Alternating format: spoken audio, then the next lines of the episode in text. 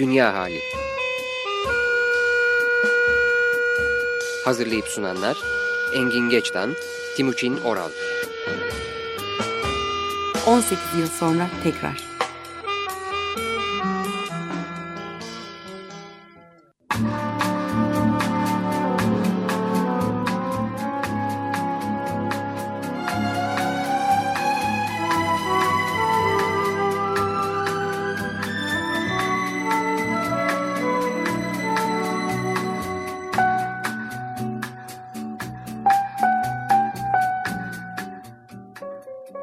Ciseleyen bir çarşamba akşamı 94.9 Açık Radyo'dan iyi akşamlar. Ben Engin Geçsan. İyi akşamlar ben Timuçin Oral. Bu akşamki konuğumuz... Bu akşam beni yolladılar. Cem Akaş. Ve karşımızda Tolga Dizmen. Nehrin kenarındaki tarlada bir kedi yaşarmış.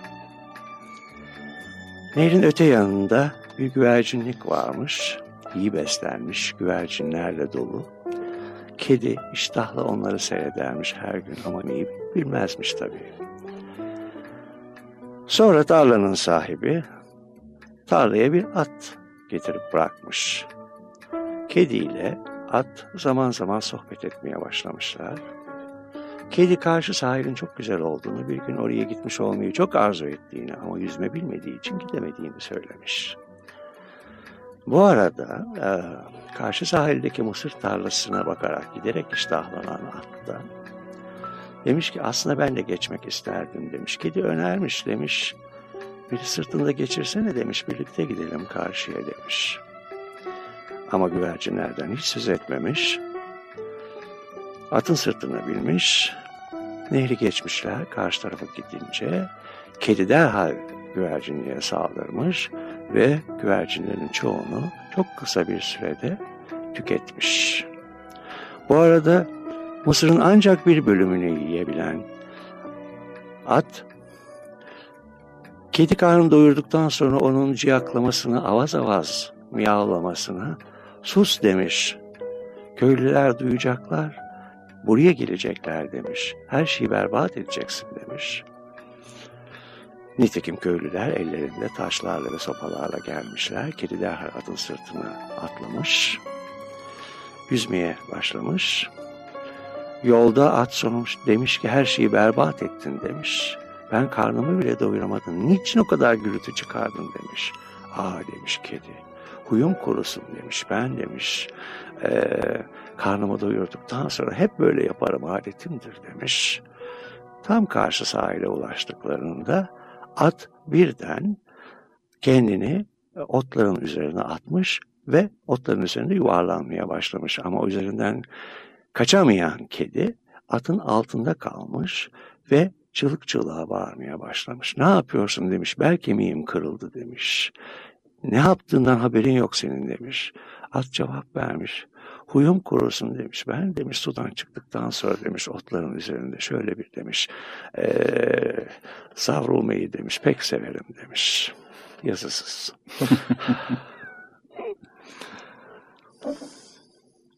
Bu bize neyi hatırlatıyor? Engin Bey'in hikayelerinin bir özelliği var. Onlar anında bir şey hatırlatıyorlar. Sonra bir yıl boyunca da bir şeyler hatırlatmaya devam ediyorlar. E, bu hikayeti bu sabah Radikal'in başlığını okuduktan sonra aklıma geldi ama ne olduğunu sormayın o başlığın. Evet. Hala başlık atabiliyor olmaları da çok sevindirici yani. Türkiye'ye uygun başlık bulmakta ben olsam çok zorlanırdım yani. Ee, evet yani başlık sonuçta bir tespit değil mi? Değil mi? Bir şey görüyorsun ve söylüyorsun. Ama değişiyor. Mesela yani. sabah bir başlık atıyorsunuz ama akşam başka bir şey var. Akşama kadar beklerse tabii. Beklerse doğru. Ben e, sana bir şey sormak istiyorum canım. Önce hoş geldin. Diyemedim. evet. E, e, bir iki hafta önceydi e, ne zaman olduğunu sen daha iyi bileceksin. E, CNN Türk'te seni gördüm kitapça programında. Ayıptır yani, söylemesi. Evet. evet seni izledim demek daha doğru. Orada popüler kültürün bana göre çok güzel bir tanımını yaptın. Fakat o kadar e, yüklü tek bir cümle söyledin ki e, şu anda tabii bunu hatırlayamayacağım. Belki sen de hatırlayamıyorsun Hayatta ama. hatırlamayacağım. Evet. E, şu soruyu sormak isterim. Sana göre kültür ne demek? Popüler kültür bunun içinde nedir? Kültürlü olmak ne demek? akşam akşam çok ağır sordunuz. ee, bir bilene soralım. estağfurullah, estağfurullah. Yani e, bir şeyler söylenebilir herhalde. E, o akşam söyledin. o akşam söyledim ben nereden bileyim bir daha. O şey yapılıyor bir de işin komiği şimdi e, bir kafede çekiyorduk e, o programı görüşmeyi. Kafede de sürekli işte gale servisine hazırlık yapıyorlar. O yüzden de çok çangırtı oluyor arka tarafta. Bazı yeniden çekmek zorunda kaldık. Ee, işte soru geliyor. Ben cevap veriyorum. O sırada gürültü yapıyor garson. O yüzden aynı soruyu tekrar soruyorlar. Ben aynı cevabı bir daha veremedim. Mesela üç defa falan böyle oldu. Sürekli başka şeyler söyledim. Hiç ilk söylediğimi hatırlayamadım. Onlar çok güzel cevaplardı ama işte kayda geçmedi yani.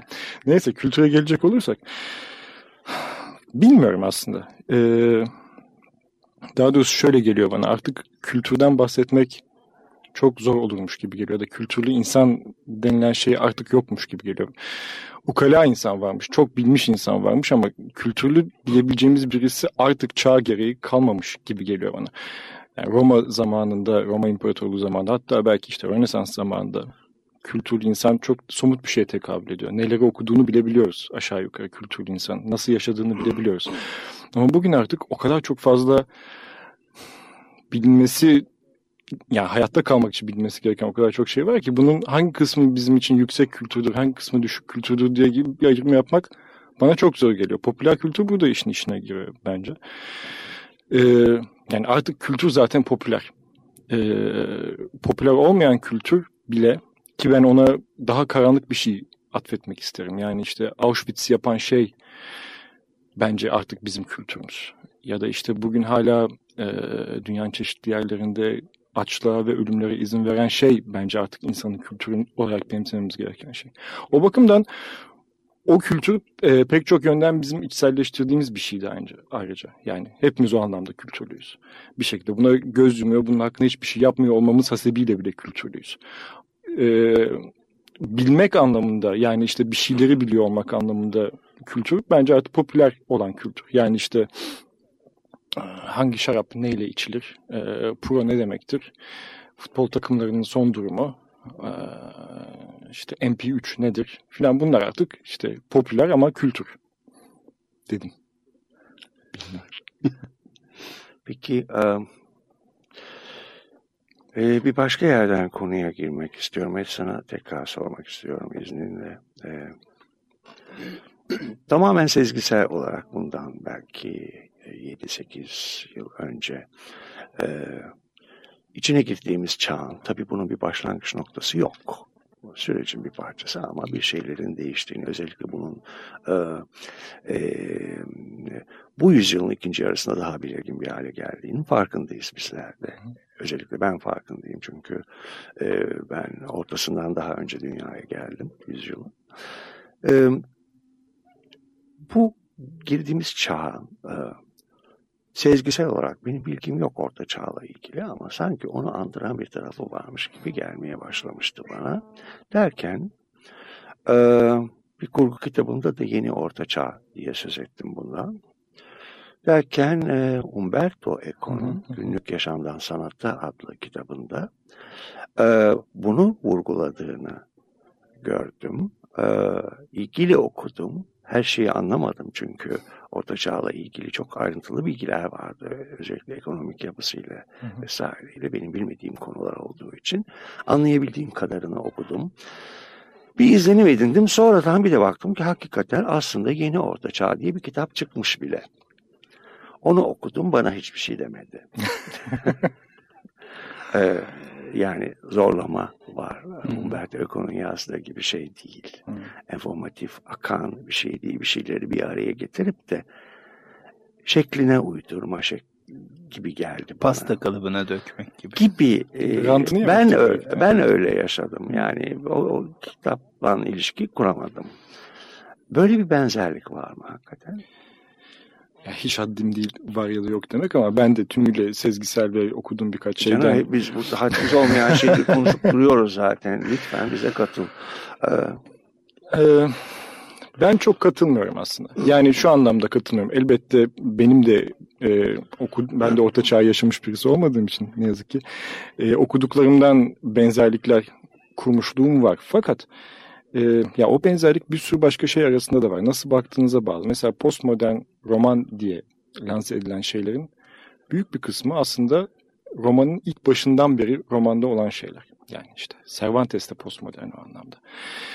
Dolayısıyla biz şimdi bir şeylere bakıp bunlar orta çağda da vardı. Dolayısıyla bu o anlamda yeniden orta çağın ortaya çıkartılması dersek çok doğru bir şey söylememiş oluruz gibi geliyor bana. Çünkü bugün bugünden orta çağa dönecek olursak o süre içerisinde zaten orta çağı andıran başka bir sürü dönemlerde başka bir sürü şeyler olmuştu. Beni asıl ilgilendiren şu. Ee, bugünden sonra yeni bir şey olacaksa yani modernite bir şekilde bitip başka bir şey başlayacaksa ve bunun adını postmodernite demeyecekse kendi adı olacaksa yani post bir şey olmayacaksa bu geriye dönüş biçiminde olmayacak. Bu şey de olmayacak ama modernite ile modernite öncesinin bir, bir tür sentezi de olmayacak. Başka bir şey olacak gibi geliyor bana. O başka bir şey de bence gene e, e, bu iyimser şey e, senaryo e, bir tür doğayla yeniden bir olma şeklinde olacak. Yani böyle deyince çok anlamlı olmuyor belki hmm, ama. Nasıl olacak? E, evet yani bir şekilde şehrin, büyük şehrin, metropolün karantina altına alınması başarılabilirse bir şey açılacak dünya gibi geliyor bana. Yani giderek yoğunlaştığını gördüğümüz, e, sıkıştığını gördüğümüz, nefes alamadığımız şu şehrin ve bunun dünya üzerindeki pek çok örneğinin karantina altına alıp elit olarak, elit olan insanların e, doğrudan üretime katkısı olmayan, materyal üretime katkısı olmayan, daha çok düşünsel üretime katkısı olan insanların bu daraltılmış karantina çemberinin dışına taşarak orada e, marjinde doğayla yeniden bir olmaya çalışmaları bence tek çıkar yol. Ama bu hep böyle olmuyor mu? Yani et, öteden beri de böyle yaşanmıyor Daha radikal bir şeyden bahsediyorum. Yani işte bizim Foça'da ev almamızdan bahsetmiyorum Hı. aslında. E, çünkü Foça'da ev aldığınızda da olmuyor. Yani o dünyanın büyüsü denilen şey işte Orta Çağ öncesinde var olan Orta Çağ'da bile yok olmuş olan şey. Evrenin bütünlüğü. Bir şekilde evet, evet. yani işte daha romantik terimleri var onun. Evrenin hmm. titreşimlerini hissetmek falan gibi şeyler ben çok seviyorum onu. Ee, yani o şimdi mümkün değil mesela. Yani şurada sokakta yürürken öyle bir şey yakalamanız mümkün değil. Foça'da da yakalamanız mümkün değil. Foça geçmiş artık yani. Ee, bir defa bunun bilincine varmak lazım. Yani bir büyü davası vardı bizim eskiden e, insan olarak e, kendimizi dünyadan ayırmadan, kendimizi kendi bilincimiz olarak ayırmadan, kendimizi kendi doğamızdan ayırmadan yakalamış olduğumuz ona geri dönebilecek miyiz, dönemeyecek miyiz? Dönersek iyi, dönemezsek bence bu karanlık içerisinde gider yani ve bir yerde patlar. Peki geçmişte benim hiç ikna olmadığım bir şey vardı. Ee, enformasyon depolayan insanlara kültürlü deniyordu. Hı. Doğru mu bu? Yani doğru mu derken denmeli mi anlamında mı Hayır, yoksa tarihsel tespit olarak tes Benim tespitim, kişisel tespitim olarak ve ben e, kültürlü ne demek sorusunu zaten bir miktar bunun içinde e, sordum. Biraz ne işe yarar da var onun içinde değil mi? E, hayır, depolanıp dışarıya kusmak. İşte ukalalık çok bilmişlik dediğim o ya genel kültür dediğimiz bilgi yarışmalarında işe yarayan Evet. Şey işte o. Tam Yaşamla şey. bütünleşmeyen hı hı, hı. bilgiler. E, halbuki beynin üç katmanı var. E, yani korteks daha çok o düşünceyle ilgili. Onun altında limbik sistem diyelim genel olarak. Duygusal e, olayları kaynaklandığı kimyasının bulunduğu yer. Onun en altında R kompleks denilen e, içgüdüsel, sezgisel karışımı bir bölge var ki orası aslında hayvanlarla daha ortak bir yanımız. Hı hı. Yani ar kompleks zaten reptilden geliyor. Yani e, sürüngenlerle ortak olan yanlarımız. Şimdi geçmişte özellikle 70'li yıllarda ben bunun sıkıntısını çektim çevremde. E, yani ben çektim, çevrem çekmedi. E, e, sadece korteks konuşuyordu ve korteksler arası ilişkiler vardı. Hı. Hatta öylesine ki duygusal dünyaların gelişmesini engelleyecek oranda. Daha doğrusu duygusal dünyanın gelişememesi sonucu sanki kortikal yani kortekse bağlı düşün, düşünsel hadiseler daha da fazla yer işgal ediyordu. Değişti mi sonra peki? Efendim? 70'lerden bu yana gelince. Şimdi bunu birisiyle tartıştığım zaman bu tür insanların şimdi benim netice itibariyle e, e, ikinizle de aramda farklı şekillerde kuşak farkı var. E, e, siz e, benden çok daha fazla e, çeşitte insanla karşılaşabiliyorsunuz. Kişisel dünyanızda. Yani üç aşağı beş yukarı aynıdır ya. Efendim? Üç aşağı beş yukarı aynıdır bence. Yani sen e, okumuş yazmış insanlarla benden daha çok muhatapsın bunu biliyorum. Faydasını görmedim ama. Evet. Şimdi fayda olarak bakmadım da yani senden bir şey öğrenmek istiyorum. Ee, bunu birisiyle tartıştığım zaman onlar periferide kaldılar dedi. Bu doğru mu? Kimler? Bu 70'lerin kültürlü olan insanlar. Kültür, evet, kültür depolayanlar. Evet. Sen de düşünüyorsun. Bilmiyorum. Bana değişti gibi geliyor şimdi düşününce.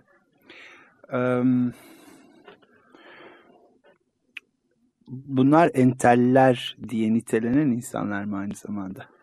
Şimdi o kelimenin ne anlama geldiğini tam anlamadım bugüne kadar. Hmm.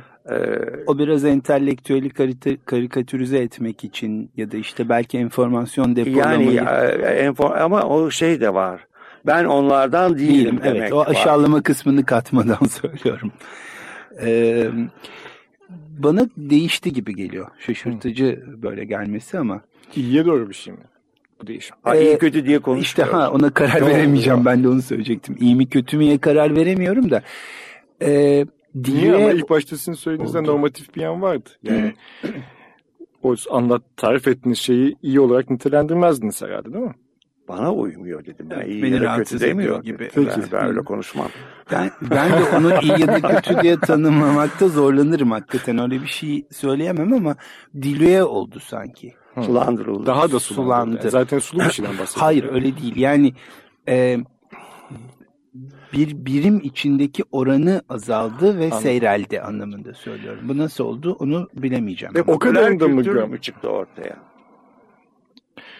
Şimdi ha, o burada terimlerin uyuşmazlığı var bence. Evet, tam, evet, evet, a, evet. Şimdi mesela bu tespit benim için ilginç bir tespit. Ee, yani e, 70'lerin kültürlü insanını bile artık çok sık göremiyoruz mu demek istiyorsun sen? Evet ama bir şey daha diyeceğim. Aslında ilk konuştuğun zamandan kalan bir şey aslında çok daha. Mesela hani Auschwitz'i yaratan ya da bir takım şeylere tanık olan insan da kültürlü Evet. Ya, onu yaratma kültürü. Ha, ama bir de mesela daha Amerika'ya bakarak bugün Türkiye'de de yaygınlaştığını düşündüğüm bütün bunların da farkında olma, olmayan bir hı hı, insan güzel. grubu tamam, da var. Tamam, Dolayısıyla sanıyorum bu seyrelme bu insan grubunun artışıyla da oldu biraz gibi bir buna kaygı diyeceğim izninizle. Kaygım var. Anladım. Gerçi ben şeyden de çok emin değilim. Yani e, Engin Bey'in 70'lerde kültürlü insan olarak tarif ettiği kişilerin o zamanlar neyin ne kadar farkında olduğunu sorgularız herhalde. Ee, bilmiyorum. Ben Peki. pas geçiyorum soruyu. Peki. Uh, Yorgo Maglaras'ın True Memories albümünden Insight. Ee,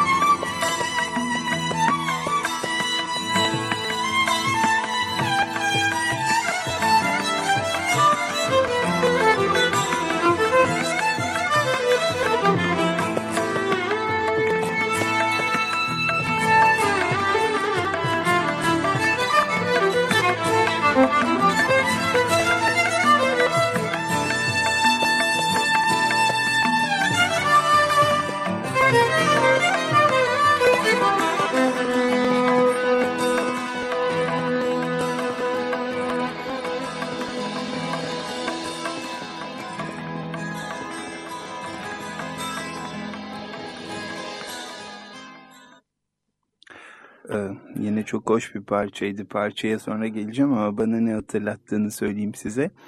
Ee, bir tanıdığım e, sayenizde Ömer Faruk Tekbilek e, hayranı olup onu kovalamaya başlamış.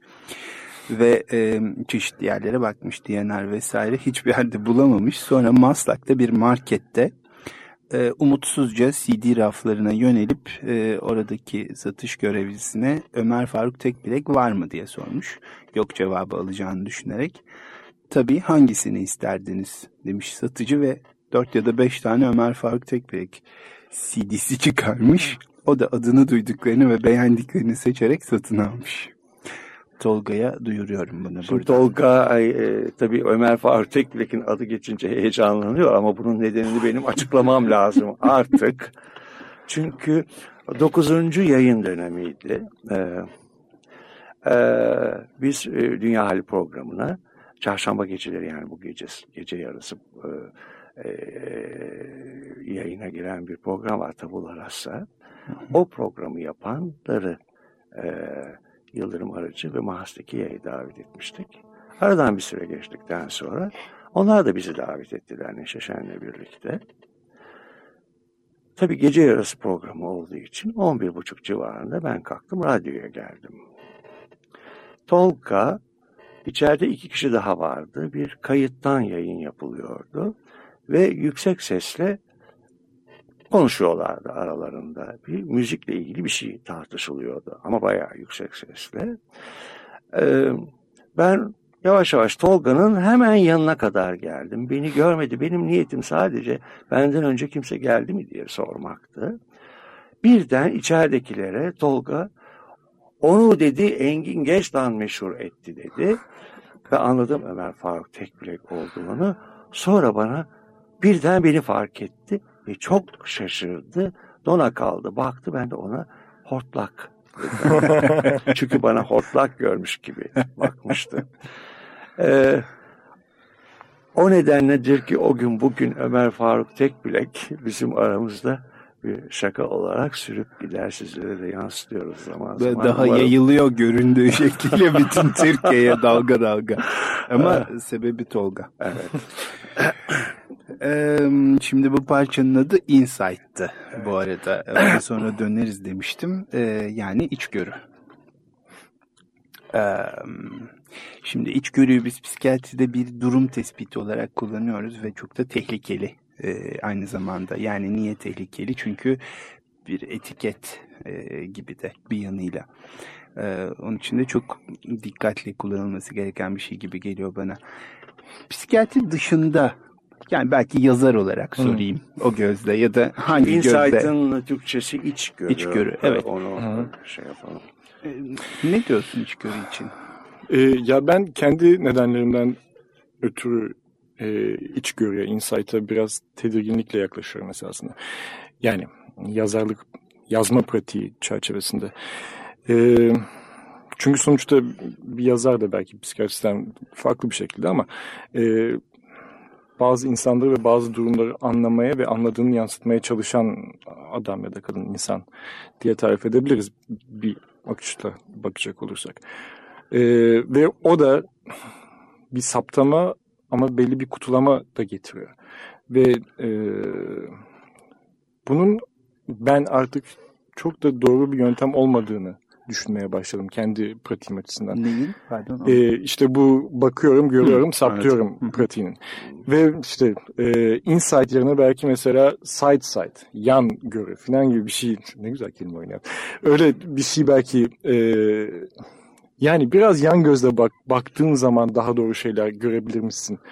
E, çok doğrudan bakıp işte teşrih masasına yatırıp e, iyice kesip biçip anlamaya çalışmak yerine Hı hı. Bir şeyi anlamaya çalışmadan anlama prosedürünü yakalayabilirse bir yazar belki daha doğru bir şey yakalarmış gibi geliyor. Bütünü anlamak Bir daha mı? o cümleyi söyler misin? Hayır.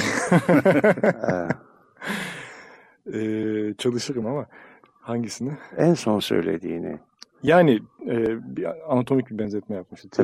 Yatırıp orasını burasını keçip kesip e, anlamak, e, saptamak yerine yan gözle bak, bakmayı bir prosedür haline getirebilirse. Anlamaya çalışmadan anlamak. Anlamaya çalışmadan anlamayı başarabilirse. Ama onu da bir pr- prosedür, bir pratik haline getirebilirse. Yani biraz zenvari bir şey var belki orada bilemiyorum. E, kasmadan yapmak. Yani kastetmeden evet. yapmak ama yapabilmek. istediği zaman da yapabilmek bunu. Hmm. Tabii içgörü e, teriminin bana göre tehlikeli. Sen de söyle nasıl tehlikeli görüyorsun onu e, Timuçin. E, orada bir şey var. Ortaklaşa bir doğruya göre içgörü tanımlanıyor. Evet. Yani kişinin ortaklaşa. Hayır, ortak evrensel bir ortak yani sanki. her ne demekse o. Bir kod yani. O bir kod. Yani ona göre şimdi bu tabii e, çok o geçmişten gelen bir şey. Yani e, ta psikanalizin ilk e, belirdiği günlerde o sağlıklı olmanın koşullarından birisi topluma uyumlu olmaktı. Ama sonra İkinci Dünya Savaşı bize gösterdi ki toplumlar da hastalanabiliyorlar. Hı hı. Özellikle bugün bu çağda demin yeni orta çağ diyelim istersen adına çok sevmesen de sen e, herkesin kendine özgü mantığı var. O zaman içgörü neye göre değerlendireceğiz? Bir insanın kendi durumuna içgörüsü olup olmadığı. Ne ben nereden bileceğim aslında? Ben nereden bileceğim? Evet. Evet. Senin görüşün var mı o konuda? Ee, şimdi bunu bir yapmak zorunda olduğumuz kısmı var günlük pratiğin içinde. Ona evet. biraz maalesef diyeceğim ama ihtiyaç Sen rapor da yazmak var. zorundasın. E tabii çünkü evet. bir, bir bir şey yapmak, adını koymak durumunda olduğumuz zamanlarda pek çok. Ee, ama ona esir olmamak çok önemli diye düşünüyorum. Hı hı. Ya da bunun böyle bir şey olduğunu bilerek onu yapmak da çok hı hı. E, önemli. Hı hı. Peki bunun bir esnekliği var mı? Yani e, karşınızdaki insanı değerlendirirken sonuç itibariyle e, o içgörüye uyup uymaması konusunda ona ne kadar esneklik payı tanınabiliyor tıpta? Ee, ben orada biraz işimi kolaylaştırdım kendi adıma doğrusu. Ee, kişinin bunu da söylemek zor ama gerçeği değerlendirme yetisinin bozulduğu durumları Bu bunlara psikozlar da deniyor. Belki öyle de denebilir. Öyle dersek daha açıklayıcı olur. Onu ayırırsak gerisi çok kolay geliyor. Hı. Ve o durumda yani kişinin gerçeği değerlendirmesinin bozulduğu bir durumda ya insan beyninin içinde bulunduğu havuzun da e, beyniyle birlikte bir e, bozukluğa uğradığı bir organik durumu tırnak içinde ya da bugün adlandıramadığımız daha karmaşık biyokimyasal bir bozukluğu hmm. içeriyor belki. Yine de Ama e, zor. şunu eklemek isterim Cem senin soruna karşılık. E, Timuçin psikozlara örnek verdi. O, tamamen katılıyorum. Yani onu dışta bırakırsak fakat onu dışta bıraksak bile şizofrenik kodları bildiğimiz zaman ve o kodlara göre konuştuğumuz zaman şizofrenik durum yaşayan bir kişiyle ulaşmak mümkün. Tabii ki. Hmm. Ulaşmak mümkün. Evet şimdi e, aslında sürpriz yapayım demiştim ama başından anons edelim ne olduğunu. E, size bir e, Frank Sinatra dinleteyim. E, sonra Carlos Ramirez'le birlikte. Evet. Carlos, that listener was right. From now on, I'm going to sing nothing but loud. Now you're talking, Frank. Just get up that microphone and beller.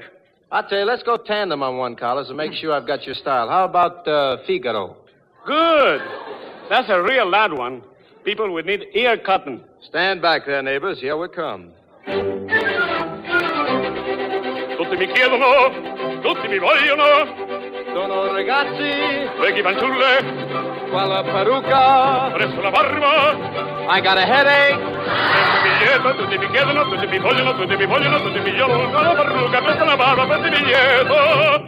Figaro, Figaro, Figaro, Figaro, Figaro, Figaro, Figaro, Figaro, Figaro.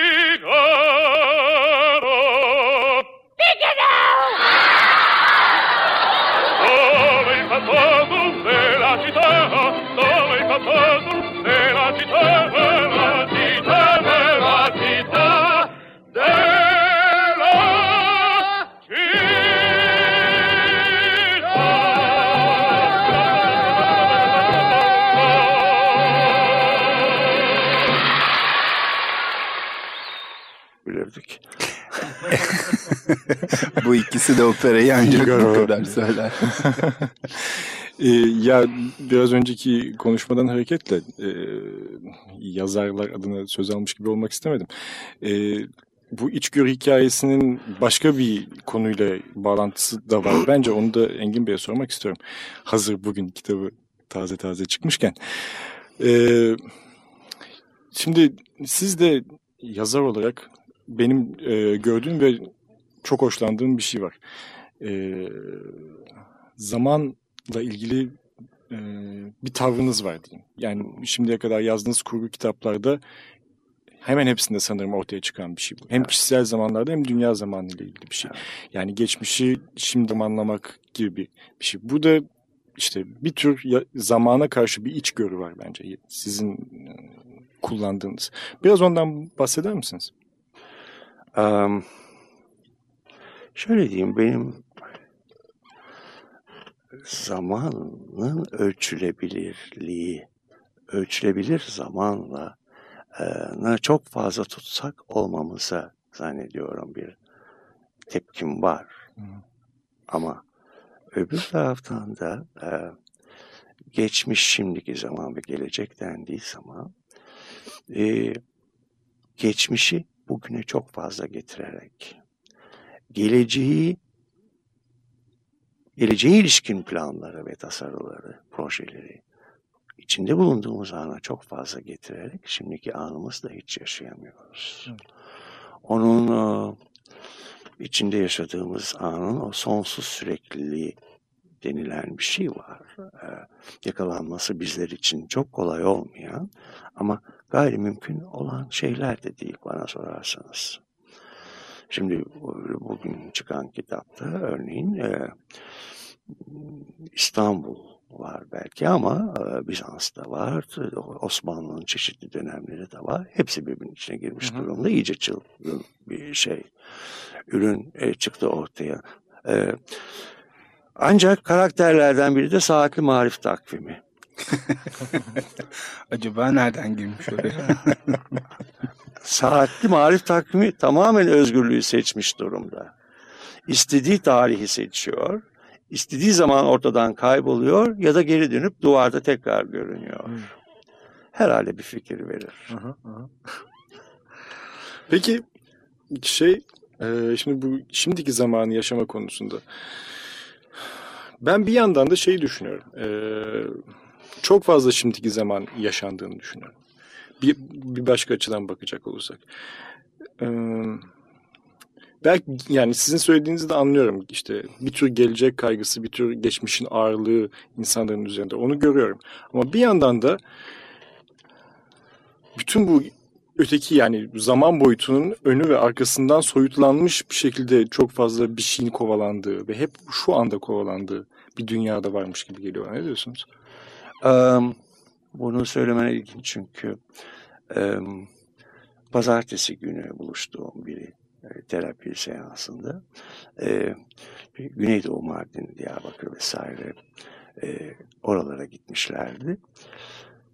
Dönüşte çok hoş e, şeyle geldi, bir izlenimle geldi. Onu paylaşmak istedi benimle. Özellikle dedi ki ölçmüyorlar zamanı dedi. Bu bana çok hoş geldi dedi. Hı. Bir de dedi bir iş adamı üstelik bu. Ee, benim anlayacağımı sezdiği için zannediyorum. Türkiye'nin şu andaki hali çok hoşuma gidiyor dedi. Hem de iş adamı. Evet. Ayrı bir kompartımana koymuş iş adamlarını artık. Bunu duymak çok hoşuma gitti. Evet, e, eskilere gidiyoruz 1940'lardan. Hala geçerli olduğuna inandığım bir ses geliyor. Katerina Valente Malagenya söylüyor Almanca sözlerle.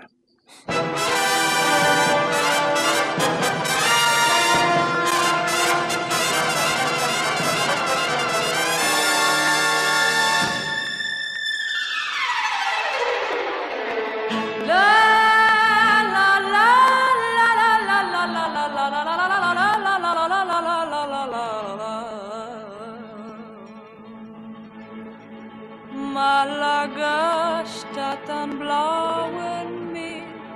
Zu dir hin zieht es mich so sehr, weil du schön und romantisch bist, was für mich wie ein Zauber ist. La la la la la la la la la la la la la la la la la la la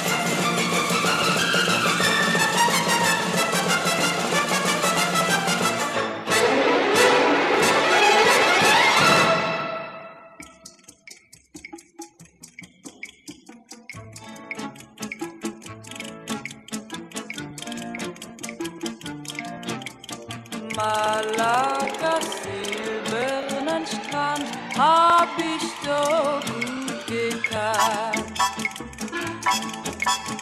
Malagenia, du bist schön wie die blaue Nacht. Malagenia, du hast mein Herz entfacht. Wer dich einmal sah, vergisst dich im Leben nie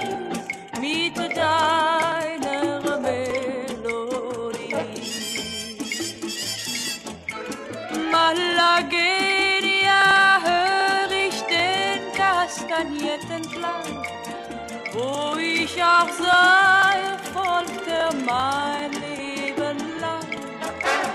Du bist mein Himmel, doch was kann ich für dich sein? Sag es mir, aber mir ganz allein.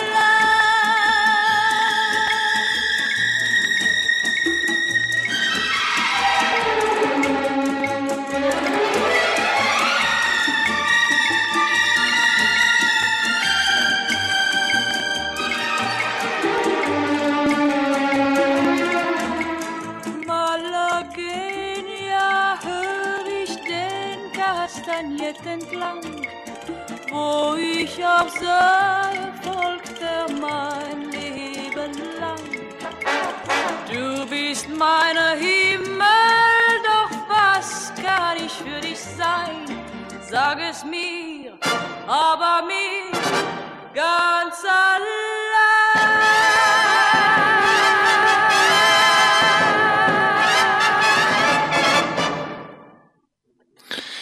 Türkiye'den Türkiye'den laf açılmışken de oradan biraz devam edelim. Bence hazır herkes Türkiye'yi konuşuyorken. Ee, ya ne diyorsunuz şimdi bu e, Türkiye'nin delirme haline karışık, karmaşık, karma karışık ne olacağız? Aa, Bana göre sadece karmaşık. Öyle mi? Evet. Daha karma karışık olmadı mı? Olacak mı? Bence E, Efendim? olacak mı? Şimdi ben kahin değilim ancak e, yani kaosun kenarında varoluş dedikleri şey herhalde bu. E, e, yani e, bu kendi içinde bir sistem. Bak biraz önce bir şey dedim. Bazılarımıza iyi geldi. Bir durduk bakıyoruz kendimize. Depremden sonra da bir süre böyle olmuştu. Hmm. Evet. Ben neyim, kimim, niçin, e, hayatın anlamı ne, niçin para kazanıyorum, niçin didiniyorum ya da değer mi, değmez mi vesaire bu sorular yeniden ortaya çıktı. E, onun için e, yani her şerde bir hayır vardır e, anlamında konuşmuyorum ama e, bu o, bana sorarsan karmaşık sistemlere fevkalade uygun bir örnek gibi geliyor benim anladığım biçimde. Yalnız ben burada bir ayrım yapmak istiyorum. Şimdi netice itibariyle e, e, biz burada iki tane şey akademik titri olan insan sen işte e, doktoranı bitirmek üzeresin yanılmıyorsam. E, bir bilim adı altında bir şeyler yapmışız. E, ya da bilimcilik. Ben üçe ayırıyorum. E, bilimcilik ki bunları bilimciliğin içinde yaşamak zorunda kaldım şahsen. Ama bilimci olmadım. Yani buna inanıyorum. İkincisi bilim, o başka bir şey. Bir de film. Karmaşalıklar var. Şimdi e, az önce yani bu Orta Çağ'la ne kadar ortak noktası vardır yoktur ya da ona da benzemeyen ama onunla ortak yanları da belki olabilen bir yerlere doğru hareket ediyoruz. Ee, yani Türkiye'de bugün olanlar, daha uç örnek olarak İstanbul'da olanlar e, aslında daha küçük çaplı her yerde oluyor. Evet. Orta çağda bir e, tabii aslında her çağ için söylenebilir de geçiş çağı sanki. E, bana daha önce sanki e, bir kez konuşmuştuk. Ayla Algan e, 70'li yılların sonlarında arabesk patladığı zaman e, demişti ki bundan bu kadar korkmayın. Çünkü bu bir zenginliktir esasında. Ve bir biçimde arabesk e, kendi yolunu bulur. E, ve sanıyorum e, sonra gelişen müzik e, bir biçimde arabeski de içererek ya da iterek neyse e, bütünleşerek geldi ve bugün artık arabesk diye bir şey yok. Yani var ama yok. O, o günkü gibi yok en azından. E, bu da böyle bir şey mi acaba? Yani bu, bu da böyle bir karmaşa, karmaşalıklar neyse e, ve fakat e, bir şeye doğru dönüşerek çünkü karmaşalık da o zamanın arabeski gibi sınırları çizilmiş, adı belli bir kenara koyulabilecek bir şey değil. Olmayacak da. Elle tutulabilir bir şey değil. Olmaması insanları rahatsız ediyor. Tanımlanabilir korkutuyor, olmaması korkutuyor. Evet. Ee, bu temel güven duygusunu da sarstığı için insanlarda. Fakat e, bu, bu, bu bir olgu ve biz bunun içindeyiz. Zaman zaman savrulabiliriz. Ee, Peki karmaşalar arasında fark yok mu? Yani olabilir mi daha doğrusu? Her karmaşa aynı karmaşa mı? Yani ben bilmiyorum neden ama... Hiçbir karmaşa tekrar e, olmaz, e, e, tekrarlanmaz. Yani yazılanlar açısından söylüyorum. Tekrarlanmaz kuşkusuz ama yani her karmaşa benzer şeylere mi yol açar ya da her şey ben normatif bakmaya çalışıyorum nedense bu hikayede ondan. Bu iyimser mi geldi? Bana iyimser geldi. Ee, yani bir karmaşa görüyoruz sonuçta. O karmaşayı görmemek mümkün değil herhalde. Ama ben o karmaşanın üstünde bir de yozluk görüyorum. Yani bu dönüşerek daha iyi bir şeye dönüşecekmiş gibi gelmiyor bana. İşte ama gene iyi değil. Dönüşerek bir şeye dönüşecek. Ama elim hakkım. İyi yani, kötüyü bilmiyoruz Çünkü onun da. tersi sabit kalmak ki dünyada hiçbir şey sabit kalmıyor. Zaten dönüşüyor bir şekilde. Hı hı. Ya üzerinize afiyet. Ben bayram tatilinde İmroz'a gittim. Ee, Gökçeada'ya gittik esasında. Ondan sonrasının Gökçeada olmaması ve İmroz olması gerektiğine karar verdik. Çünkü çok net bir şekilde iki farklı e, insan biçimi, iki farklı yaşama biçimi, iki farklı hayat anlayışı görülüyor orada. Bir tanesi işte artık çok e, bariz bir şekilde adadan sürülmüş, marjinalize edilmiş olan Rum Türkleri, neyse Rumlar, onların yaşama biçimi, onların köyleri. Bir de bizler, yani bizler derken Türkler gelmişiz oraya bir şekilde.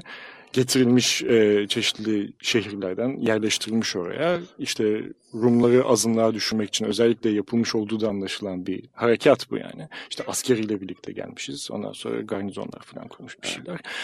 Ondan sonra ve yani çok net ve çok yan yana ikisini gördüğünüz zaman işte Türk mahallesinin ve Türk evinin ne kadar yani resmen iğrenç olduğunu, insanların herhangi bir hayat tadından tümüyle yoksun olduklarını, buna karşın çok daha fakir şekilde yaşayan, çok daha yıkıntılar içerisinde yaşayan Rum insanlarının ne kadar güzel olduklarını, o köylerin o yıkıntılar içerisinde bile ne kadar güzel olduğunu, ne kadar hayata bağlı olduklarını, ne kadar ya çok farklıydı, hakikaten çok farklıydı. Ve bunun gibi bir sürü şeyi Türkiye'nin genelinde görmek çok mümkün. Ama Ve bir şey var değil mi? Pardon kestim açıkçası. ama oradaki e, hani o iğrenç tanımıyla tanımlanan e, R'leri de söylemiyorum. İğrenç yani. o grup e, e, tipik bir Türkiye ana karasını temsil eden bir grup Bence mu? ediyor. Bence ediyor. Ben ondan emin değilim. Niye biliyor Ben de musunuz? ondan emin değilim. Aynı şeyi ben Kıbrıs'ta yaşadım çünkü. Ee, oradakiler adalılar ve oralılar, diğerleri oraya götürülmüş olanlar. Ve götürülmüş olanlara bakarken de niye onların özellikle götürülmüş oldukları konusunda da benim mesela soru işaretlerim Kıbrıs'ta olmuştu. bilmiyorum İmroz'u hiç yani, görmediğim için bir şey diyemeyeceğim Isparta ama. depreminden sonra işte giden Ispartalılar işte Karadeniz kıyılarından kopup gelmiş Karadeniz. Barınamayanlar biraz da işte mi. Ama bunlar... Isparta'da aynı şekilde yaşadıklarına eminim ben. Yani İmroz'a gelmeden önce de. Ve yani bilmiyorum. Tabii ki yaşam biçimlerini götürdüler. Yaşam Belki biçimlerini de. götürüyor olabilirler ama köklerinden kopmuş Kopmuşlar. olmakla o hmm. kopmamış olmak arasında bence çok e, ciddi bir fark var. Yerinde güzeldir diyorsunuz yani. Her şey yerinde güzel. Yerinde sonra. batmazdı diyorum ben de. Evet. Çünkü orada e, bir bütünün parçası halinde yaşıyorlar bulundukları yerde bu göç hareketleri tabii ki insanları e, e, bir şeyleri fazla tutunmaya, köksüz yani kökünden koparılmış olmanın e, kaygılarıyla ve yabancılaşmasıyla birlikte başka türlü davranmaya götürebiliyor. En iyi örneği e, e, Avrupa ülkelerine göç eden hı hı.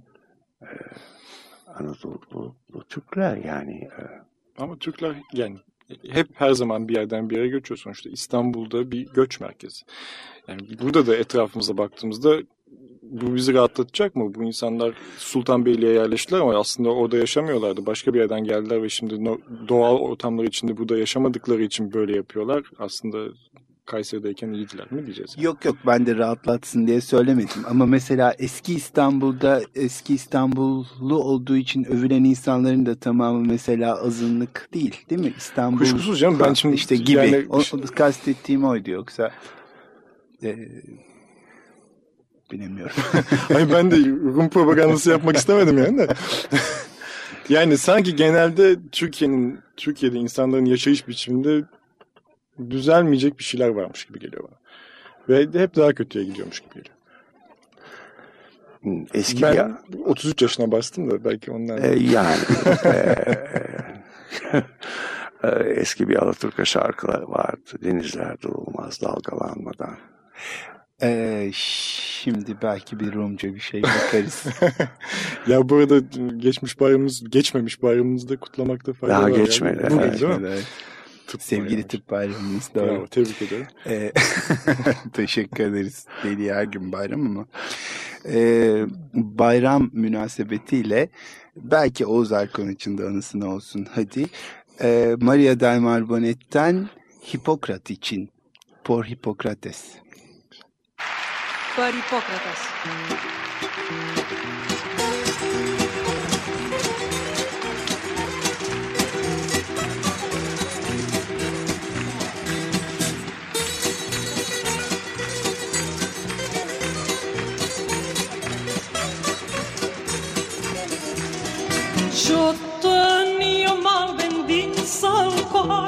Eu mexo com anito del meu cos. Em comprova que tot era seu lloc, així improvisant les conclusions. Si vol pot fer com fa tota la gent, deixa tots els plens morir una mica abans. S'ha vist sentir que el peix era roí, que l'oli era un veí i el vi pecat mortal.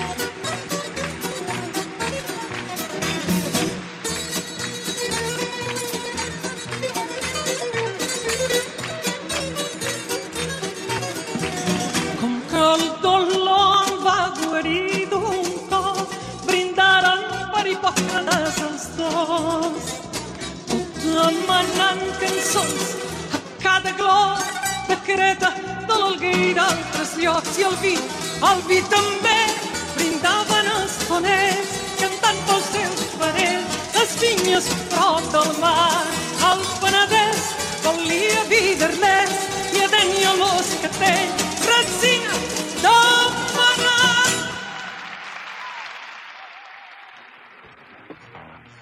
Bu arada süremizi doldurduk. Ee, hepinize iyi akşamlar diliyorum ben Engin Geç'ten. 94.9 Dünya Hali Açık Radyo'dan iyi akşamlar ben Timuçin Oral. Ben de bütün e, yaşlanmakta olan kötümserler adına iyi akşamlar diyorum Cem Akar. Teşekkürler Cem, teşekkürler Tolga.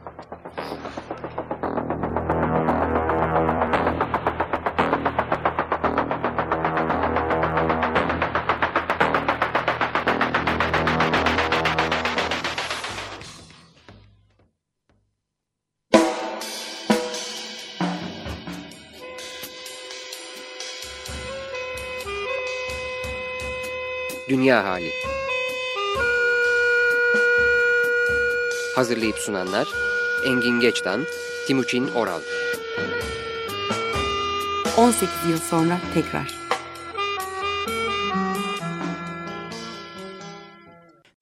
Açık Radyo program destekçisi olun.